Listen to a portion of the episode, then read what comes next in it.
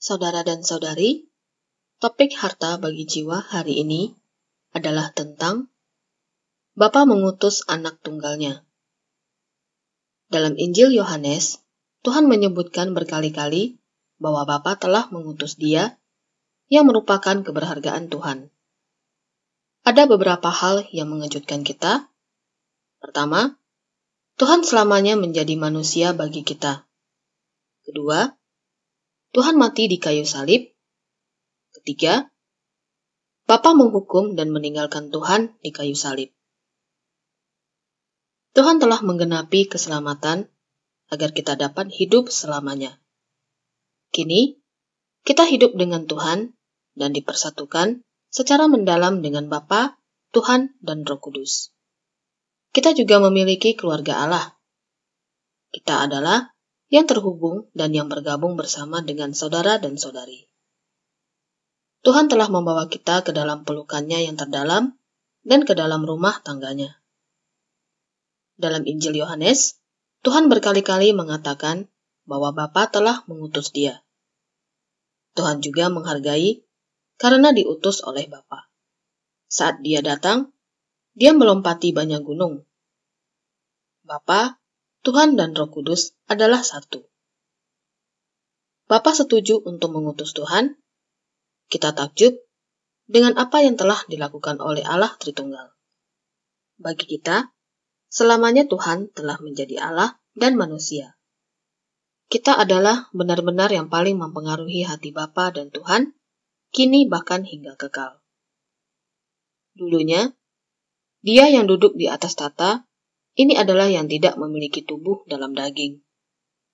Namun kini hingga kekal, Tuhan memiliki tubuh. Saya sangat menghargai akan kenyataan ini. Di hati saya, tidak ada yang lebih berharga dari hal ini. Kematian Tuhan di kayu salib juga sangatlah berharga. Kedua peristiwa yang terjadi di tengah-tengah Allah Tritunggal ini adalah yang sangat menakjubkan. Apa yang terjadi di kayu salib adalah yang mengguncang langit dan bumi. Keesaan Allah Tritunggal melampaui penyatuan apa pun yang ada di bumi ini. Allah adalah satu roh yang tak terbatas, bukan tiga roh yang terpisah. Injil Yohanes memberitahu kita bahwa Tuhan adalah anak tunggal yang ada di pangkuan Bapa. Kita adalah anak-anak Allah. Namun, tidak seorang pun dari kita yang merupakan anak tunggalnya. Tuhan sendirilah yang anak tunggal Allah. Selain itu, dia adalah Allah yang satu dengan Bapa. Dia juga anak Allah yang terkasih yang ada di pangkuan Bapa. Bapa sendiri berkata, Inilah anak yang kukasihi, dengarkanlah dia. Atau seperti yang tertulis dalam Markus 9 ayat 7. Sangatlah berharga bahwa anak terkasih Bapa telah menjadi manusia untuk selamanya. Sesungguhnya, ini merupakan sebuah keajaiban yang terjadi di tengah-tengah Allah Tritunggal. Tuhan sangat ingin menjadi manusia bagi kita karena Dia mengasihi kita. Inilah kasih Allah. Penyelipan Tuhan mengejutkan hati saya. Di hati saya, tidak ada yang dapat mengganti rasa keberhargaan itu yang tidak dapat diungkapkan dengan kata-kata. Allah mengambilnya dari dirinya sendiri. Dia tidak memberi alam semesta ini kepada saya. Sebaliknya, dia sepenuhnya berkomitmen untuk mengasihi saya. Perbuatan kasihnya menghasilkan penyatuan kasih kita yang terdalam dengannya. Sebuah penyatuan yang hidup. Dia adalah sepenuhnya milik saya, dan kita adalah sepenuhnya miliknya. Salib adalah yang benar-benar menakjubkan. Tuhan dan Bapa adalah satu.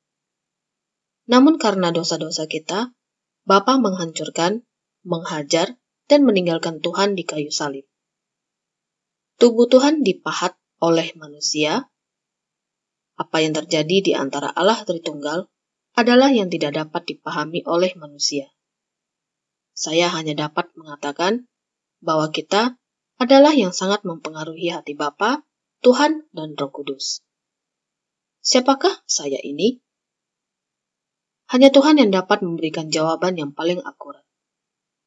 Sangatlah berharga karena Dia juga telah memberikan kita keluarga Allah. Dalam Mazmur pasal 22, menubuatkan berbagai macam penderitaan yang akan ditanggung oleh Tuhan di kayu salib. Namun, dia telah meraih kemenangan yang gemilang.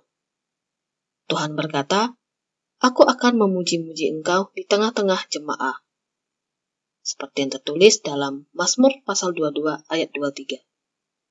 Saat ini, di ibadah kita, Tuhanlah yang paling terlibat. Dia memuji dan menyatakan nama Bapa. Kita mengadakan pertemuan di ibadah, yaitu jemaat. Suatu hari, dia akan kembali dan membawa kita untuk hidup bersamanya selamanya. Saya sangat menyukai ayat ini. Biarlah hatimu hidup untuk selamanya atau seperti yang tertulis dalam Mazmur pasal 22 ayat 26. Dahulu kita mati dalam pelanggaran kita, tapi kini hati kita adalah yang hidup untuk selamanya. Kita hidup bersama Dia selamanya. Hidup kita dipersatukan secara mendalam dengan Bapa, Tuhan, dan Roh Kudus. Hal ini adalah yang sangat menakjubkan. Namun hal ini adalah yang sangat benar. Ini adalah pengalaman kita. Saat Tuhan berkata, telah selesai. Keselamatan telah tercapai. Meskipun kata-kata ini telah diucapkan lebih dari 2000 tahun yang lalu, namun kata-kata itu tetap menjadi penggenapan atas kita. Perjanjian baru yang ditetapkan oleh darahnya telah digenapi. Doa terakhirnya juga telah dikabulkan dan kita mengalami bahwa Dia adalah yang hidup di dalam kita. Dia berjanji untuk datang kepada kita, dan Dia berdoa, dan aku di dalam mereka. Dia telah bangkit dan hidup. Roh anak Allah ada di dalam kamu dan saya. Selanjutnya, hati kita akan terhubung dengannya. Roh Kudus berdiam di dalam kita dan menghubungkan hati kita. Kita bukan hanya sekelompok orang yang menyatu, dan kita bukanlah seperti organisasi apa pun yang ada di seluruh dunia ini.